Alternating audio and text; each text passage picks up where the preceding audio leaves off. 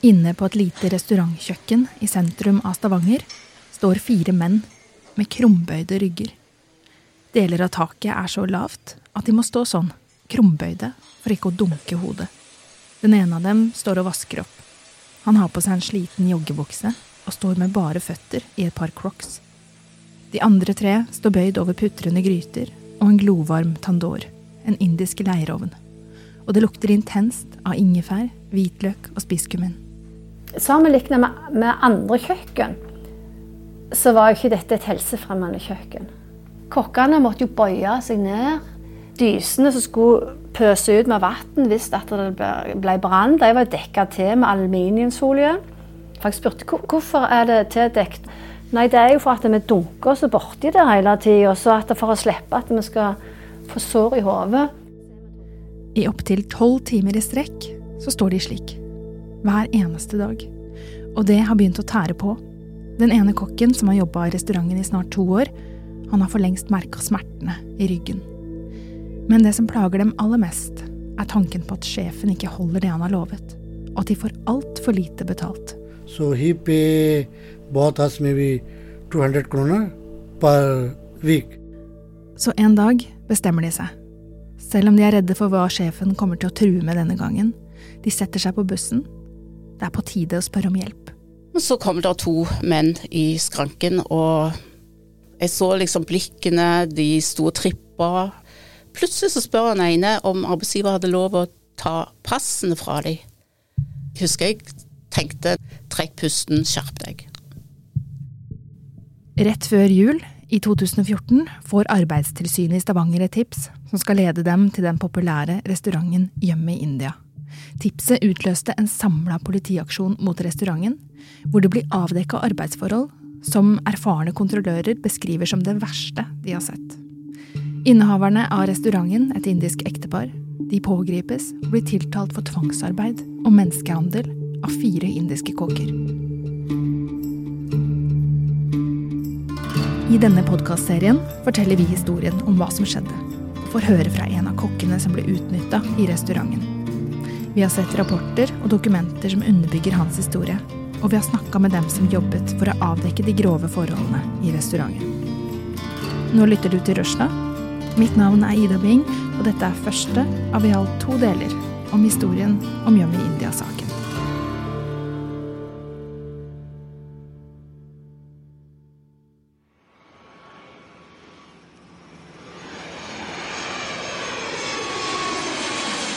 I 2007 lander et indisk ektepar på Sola lufthavn. De er i slutten av 20-årene og har kommet til Stavanger for å jobbe. Han som oljeingeniør og hun med IT. Etter å ha jobba noen år i byen, starter ekteparet å undersøke mulighetene for å åpne en indisk restaurant. Og i oktober 2010 inngår ekteparet en leiekontrakt med Stavanger Storsenter og starte planlegginga av en indisk restaurant i et lokale i Klubbgata i sentrum av Stavanger. De oppretter også selskapet Yummy India AS, og restauranten blir hetende det samme. Og nå leter de etter arbeidskraft.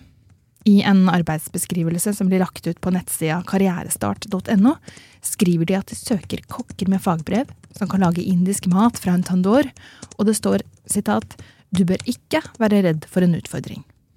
Det står ingenting om lønn eller arbeidstid i annonsen. Med hjelp fra en jobbkonsulent i hjemlandet India får ekteparet kontakt med flere indiske kokker.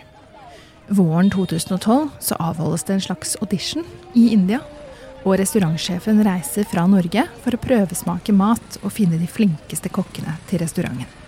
So we have the many chefs there. So maybe food trials there, maybe two hours, three hours the food trial, and after he tastes the food and they have the two, three person also. Sahir, som er i 30-åra, og på dette tidspunktet jobber som profesjonell kokk i India, får høre om denne auditionen fra en venn. Sahir er ikke hans virkelige navn, men Røsla holder deler av identiteten hans skjult fordi han frykter for konsekvensene hvis folk rundt ham får vite om hans historie. Saken har kosta både ham og familien hans mye. He said, okay, we hire you, and they give me a answer by mail ID. Sahir forteller at han og en annen indisk kokk får jobbtilbud sendt på e-post få uker etter auditionen. De får tilbud om å bli med til Stavanger og jobbe på restauranten Yum i India. Der vil de ha en månedslønn på 50 000 indiske rupi, som på den tida er omtrent 5000 kroner. Og det vil også bli satt av lønn på en egen konto som skal gå til familiene deres i India. I tillegg skal ekteparet dekke kost og losji og sørge for oppholdstillatelse i Norge. and we hope maybe we come to Norway so have that different uh, li- luxury life maybe because uh, if we working in India very less money and we join to Norway so had double income Sahir forteller at han følte det var et godt tilbud. Han kom til å tjene mye mer som kokk i Norge enn i India. Dessuten var familien hans veldig glade for at han hadde fått en jobb i Norge. I India er det knytta mye ære til å jobbe i utlandet og kunne forsørge familien sin, forklarer han. Så han takker ja. Før de skal reise, så får Sahir og den andre kokken tilsendt flere dokumenter og arbeidsavtaler på norsk, som de må skrive under på. he send me different send me paper also they uh, contract letter norway and different and india contract and different so when we come here so we don't know how we is uh, this is okay and this is okay Sahir forteller at de ikke helt forsto innholdet i avtalene og hvilke regler som egentlig gjaldt i Norge. I arbeidskontrakten som Sahir fikk, så sto det at arbeidstida var på 37,5 timer i uka, men feltene for års- og månedslønn de var ikke fylt ut. Men Sahir han skriver likevel under. Det er viktig for ham å forsørge familien sin, noe som er avgjørende for at han i september 2012 velger å sette seg på flyet til Stavanger. Det samme gjør også den andre indiske kokken. and after boss pick up me is uh, airport and he have uh, apartment in there is Stavanger so me and we live together and he say okay this is a grocery and this is this Sahir forteller at han og den andre indiske kokken, som ikke ønsker å ha navnet sitt med i denne episoden, blir innlosjert i en leilighet som ekteparet leier sentralt i Stavanger. Han forteller at de får et par tusen kroner i kontanter, og at de blir bedt om å gi fra seg passene sine. De får også flere dokumenter de må skrive under på. Blant annet diverse bankdokumenter som de må ha med seg til servicesenteret for utenlandske arbeidstakere. Der møter de opp sammen med restaurantsjefen for å registrere arbeidstillatelse og skattekort. I dokumenter fra UDI så kan man lese at Sahir og den andre kokken får bekrefta oppholdstillatelse i Norge, og at det blir oppgitt at minimumslønna de skal ha, følger riksavtalen for hotell og restaurant for faglærte kokker med ti års praksis. Og det vil si rundt 25 000 kroner i måneden. Ekteparet, som ble dømt i 2019, de har fått mulighet til å bidra i denne podkasten. De ønsker ikke å snakke med oss, men har sendt over kommentarer via restaurantsjefens advokat, Ørjan Eskeland, som du hører fra i slutten av denne episoden.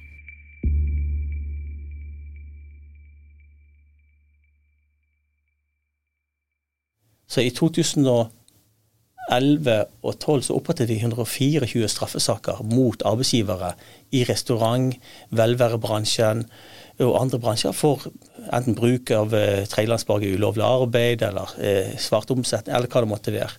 Rundt samme tid som Sahir kommer til Norge, jobber politimannen Fred Schærling med å bekjempe arbeidslivskriminalitet i Stavanger. Han er en kjent politimann i byen, og nå er han i gang med arbeidet for å lage et helt nytt senter, A-krimsenteret, som raskere skal fange opp skjult kriminalitet på arbeidsplassene. På A-krimsenteret skal både politi, skatteetaten, Nav og Arbeidstilsynet jobbe sammen. Tanken bak er at de raskere kan fange opp signaler på skjult kriminalitet, og at de kan slå enda hardere til hvis det skulle dukke opp noe. Og en sak fra noen få år tidligere hadde nemlig satt dype spor, hvor politiet hadde fått erfare at de kom på banen altfor seint. Og det skulle ikke skje igjen. Og da, eh, da satt jeg på jobb, eh, fikk en telefon fra sjefen min og sa det at det var en passasjer i danskefergen som ville til England, men han nektet å gå ut. På den tida så går det ferger til både Danmark og England fra Stavanger sentrum. Og denne ene passasjeren hadde satt seg på feil ferge, og besetningen hadde derfor ringt politiet fordi mannen nekta å flytte på seg. Så kjørte jeg ned for å se om jeg kunne hjelpe han. Det var en person som hadde vanskelig for å ordlegge seg. Han luktet forferdelig. Så jeg tenkte han har jo lagt ut vært uteligger. Og så begynte jeg å spørre han da. Og da fortalte han at han hadde jobbet for en arbeidsgiver, og så slo han. Og Da tok han med på kontoret mitt, eh, og det måtte vi lufte ut i mange dager etterpå. Han hadde jo eh, ikke vasket seg på mange måneder. Eh, og Han fortalte det at han var eh, holdt nærmest som fange for, i, i, et arbeidsforhold, og hadde jobbet uten å få betaling for det. Mannen som Fred hjalp, som opprinnelig var fra England, var et offer for menneskehandel. Ifølge norsk lov så er menneskehandel om man bruker vold, trusler eller på andre måter utnytter noen i en sårbar situasjon, som at de f.eks. ikke har penger eller andre måter å finne seg en jobb på, og tvinger dem til å jobbe eller prostituere seg, tigge eller i noen tilfeller selge organene sine. I denne saken her så ble mannen Fred Hjalp tvunget til å jobbe med hardt fysisk arbeid i Stavanger i mange måneder, og han bodde på gulvet i en leilighet. Saken er kjent som Norges første tvangsarbeidssak. Fred Schærling sier at politiet lærte mye av den saken, særlig hva som er tegn på at noen har vært utsatt for menneskehandel. Hva indikatorer er det på menneskehandel? Jo, altså, det er tredjelandsborgere som er avhengig av eh, goodwill fra arbeidsgiver. Og de kommer fra et land eh, som eh, det ofte er folk som blir utnytta. Det er dessverre det er lavtlønnet, eh, og eh, det er lettere å utnytte folk som ikke kjenner eh, nettverk, har nettverk eller regelverket.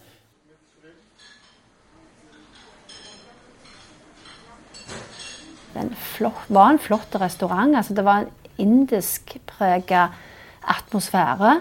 Flotte bilder på veggen, eh, fint lys. Altså, det var en lun atmosfære. Så du kom inn der, så fikk du egentlig bare Hadde jeg vært en kunde, så hadde jeg tenkt her vil jeg sette meg ned og ete. I 2012 så jobber Mia Holen som inspektør i Arbeidstilsynet i Stavanger. Hun husker godt restauranten i sentrum, som like etter åpninga i november samme året hadde rukket å bli veldig populær. De fikk jo også veldig god omtale på TripAdvisor, på Facebook, og de var kjent for å ha en god mat. Men mens fornøyde gjester nyter den gode maten på Yummy India, jobber Sahir og den andre kokken tolvtimersvakter under det lave taket inne på kjøkkenet. Så vi kom all day, maybe sometime we go nine, sometime ten morning, and we finish maybe two and three o'clock in evening. So after we make uh, food, so we make food in the house. We live in Stavanger, so You made uh, food for the boss, yes. Sahir forteller at når de var ferdig på jobb, etter å ha jobba hele dagen, så dro de tilbake til leiligheten og forberedte mat til prøvesmaking, slik at ekteparet kunne utvikle menyen videre.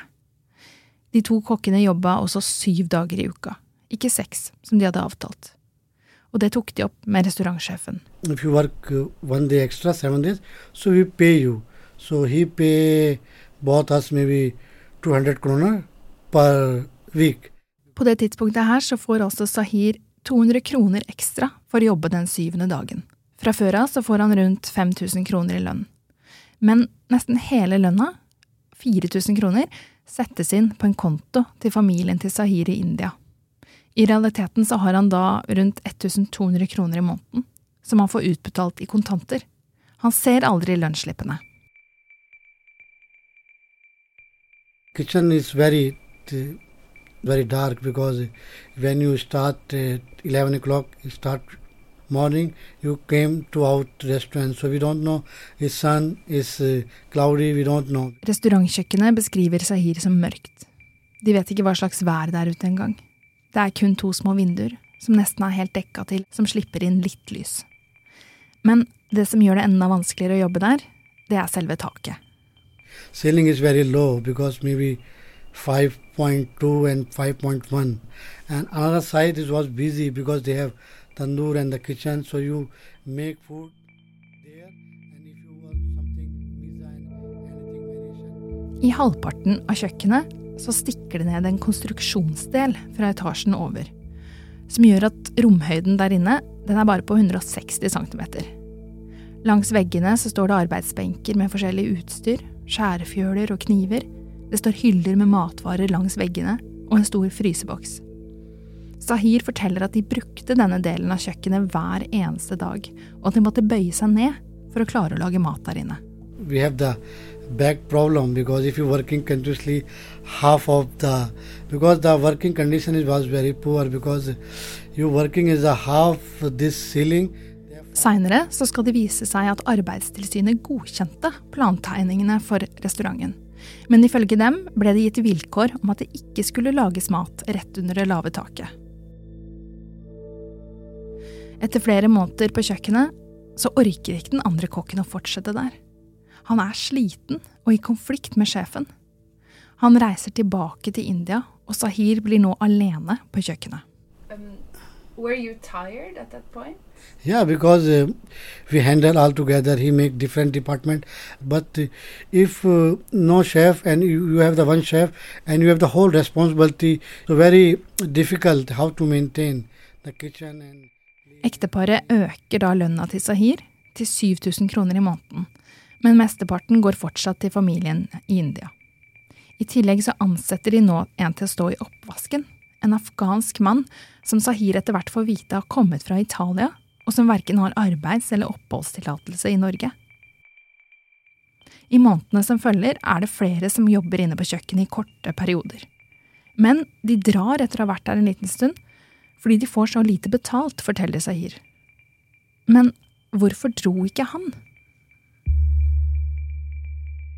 That time we have no choice because it's a many story because we have the account, but my account handle in boss, so we have uh, anytime Sally come in. Come. Sahir sier at han ikke hadde noen mulighet til å dra. Han hadde ikke tilgang til pengene sine, og visste ikke hvor han kunne gå.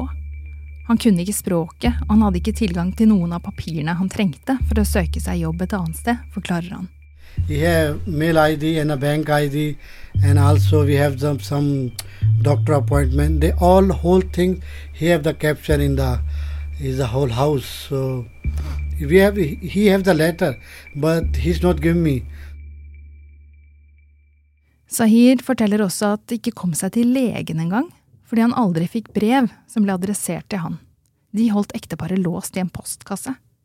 Så i oktober 2014 Nesten to år etter at Sahir starta å jobbe i restauranten, ansetter ekteparet ytterligere to indiske kokker. That time is a very emotional time with three because we have the family depend for me and another guy also and three three person uh, three another chef also there. He also problem because they have the, this money is very less money. De nye kokkene forteller at de har blitt forespeila å tjene 22 000 kroner i måneden. Sahir skjønner fort at de har blitt lova en mye høyere lønn enn de noensinne kommer til å få. Og når den ene kokken forteller at han også ble bedt om å gi fra seg passet sitt, men nekta, så forteller Sahir dem hvordan han egentlig har hatt det, og hva slags jobb de nå har kommet til. After working two three days continuously working. So i say how much i salary i say my salary is the seven thousand. he don't believe. He say you working is the three years. How can my salary 22 after he, two three days the boss uh, new contracts. And i say i told you before that this is the system. De to nye kokkene de blir etter hvert overbevist av Sahir, og tror på det han forteller om den lave lønna og de lange, tunge arbeidsdagene under det lave taket. De sier til Sahir at det her, det går ikke. Nå må de gjøre noe. Så nå leter de opp en adresse, og sammen med den ene av kokkene tar Sahir bussen inn til byen for å oppsøke det ene stedet han har tro på at det finnes noen som kan hjelpe dem.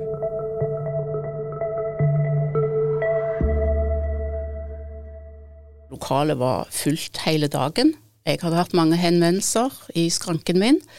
Det var mye lyd, og jeg hadde hatt mange litt sånn kompliserte saker, egentlig. På servicesenteret for utenlandske arbeidstakere sitter saksbehandler Mia Gosen. Jobben hennes det er å veilede utenlandske arbeidstakere i regler og rettigheter. Og denne desemberdagen har hun fått mange spørsmål. Så jeg var sliten. Jeg kjente at nå begynner det å summe opp i hodet mitt, og tenkte ja ja, det er en drøy time igjen, så nå kan jeg registrere det jeg har fått inn i dag, og rydde etter meg. Jeg hadde jo fri dagen etterpå. Men så kom det to menn i skranken og spurte om arbeidstid. Og da tenkte jeg hjelp, det, det er ikke det enkleste å forklare veldig raskt og tydelig. Mia hun stiller noen kontrollspørsmål om de har arbeidsavtale og hva som står i den, men hun skjønner fort at det her det er ikke en helt vanlig sak. Og så kom det fram at de rett og slett, han ene fall, hadde jobba i et par år, og jobba veldig mye alene. Ikke overtid. Betaling, og jeg forklarte reglene i minste rettsreglene i arbeidsmiljøloven, og hva de kunne gjøre for å, for å kreve den manglende overtidsbetalingen. Men så var det jo tydelig at det var noe mer. Jeg så liksom blikkene, de sto og trippa, eh, ville ikke gå, for å si det sånn. Plutselig så spør han ene om arbeidsgiver hadde lov å ta passene fra dem. Eh, jeg husker jeg tenkte nå trekk pusten, skjerp deg. Og så så jeg på dem og så at det, de var ærlige, de var slitne, de var nedtrykte, tårer i øynene, som sagt. Det, det, voksne menn står ikke på et offentlig kontor med masse folk rundt seg og, og med tårer i øynene. Og når de da gikk, så satte jeg meg ned og så skrev ned tipset.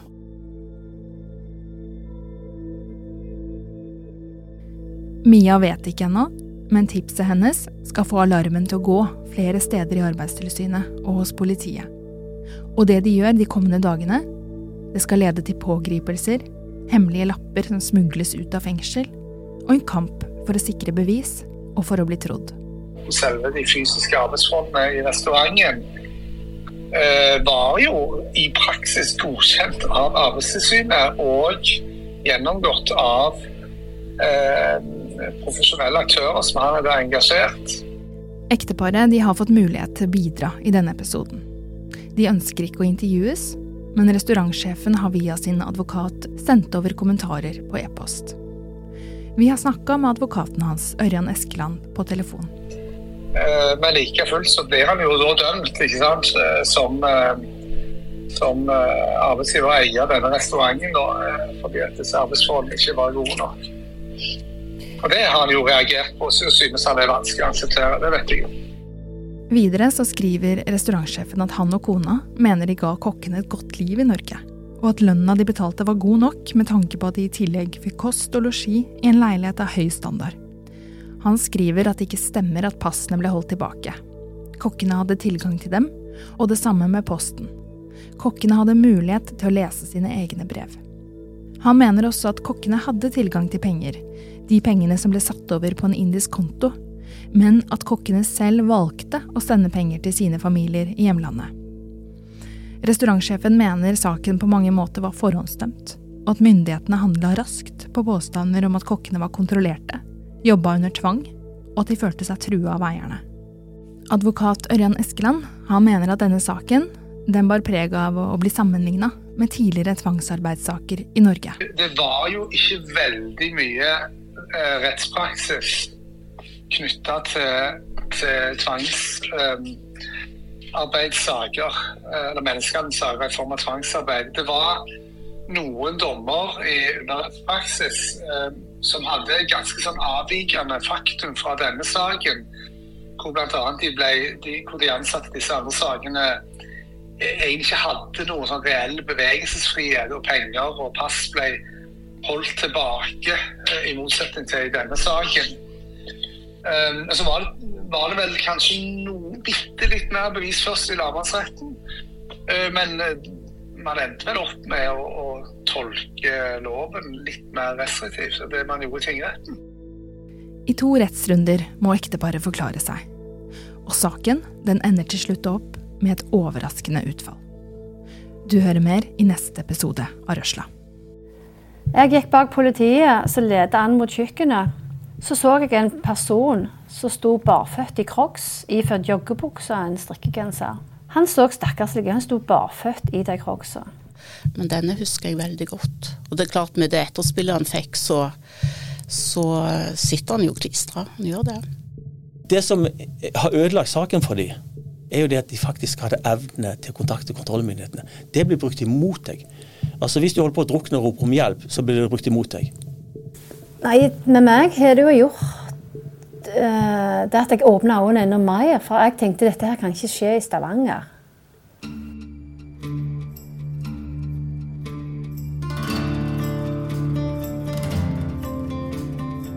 Røsla er laget av meg, Ida Bing, Musikken vår er komponert av David Ashok Ramani og Hans Kristen Hyrve.